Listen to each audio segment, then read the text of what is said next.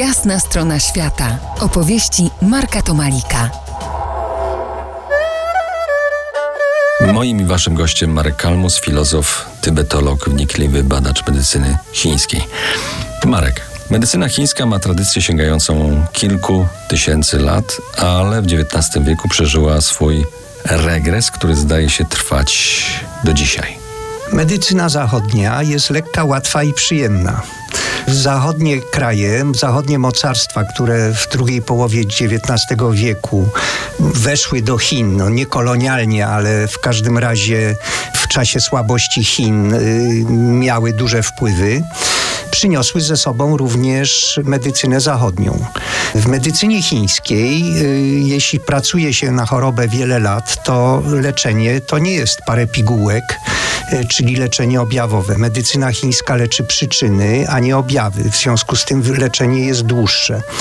Medycyna zachodnia dlatego łatwiej się przyjęła, no bo mówię, lekka, łatwa i przyjemna. Dobrze, a kiedy nastąpił przełom? Przełom, przełom nastąpił w, w czasie łask medycyny chińskiej. Przełom nastąpił w czasie Wielkiego Marszu Mao Tse-tunga, jak podbijał Chin, odbijał Chiny armii Chiang Kai-sheka.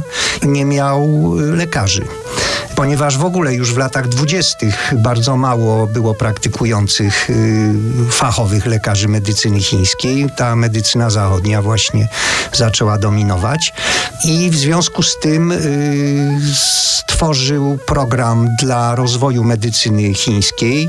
Od lat 50. w 54, a potem w 56 powstały pierwsze uniwersytety medycyny chińskiej, tradycyjnej medycyny chińskiej.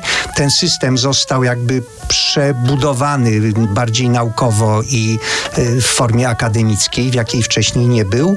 No i od tego czasu medycyna chińska rozwija się, również e, przeszła na zachód, szczególnie w latach 70., koniec lat 60. Zaczęła tutaj kwitnąć i w Stanach, i w Europie, i w Australii.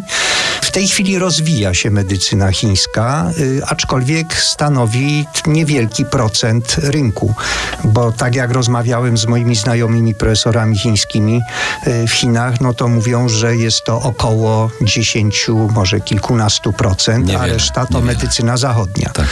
No ale coś chyba w ostatnich latach się zmienia. Mamy tutaj takie doniesienia, że rząd Chińskiej Republiki Ludowej ustawił ogromny w sensie finansowym program powrotu do praktyk medycyny chińskiej. To jakie, znaczy, jakie tak. to są pieniądze duże to są, jakie to jest to poważne są, działanie? To są miliardy dolarów, które zostały uruchomione w 2016 roku przez y, prezydenta Xi Jinpinga. To jest projekt na 24 lata, dotyczy Chin, ale i również promocji medycyny chińskiej i wspierania medycyny chińskiej na całym świecie.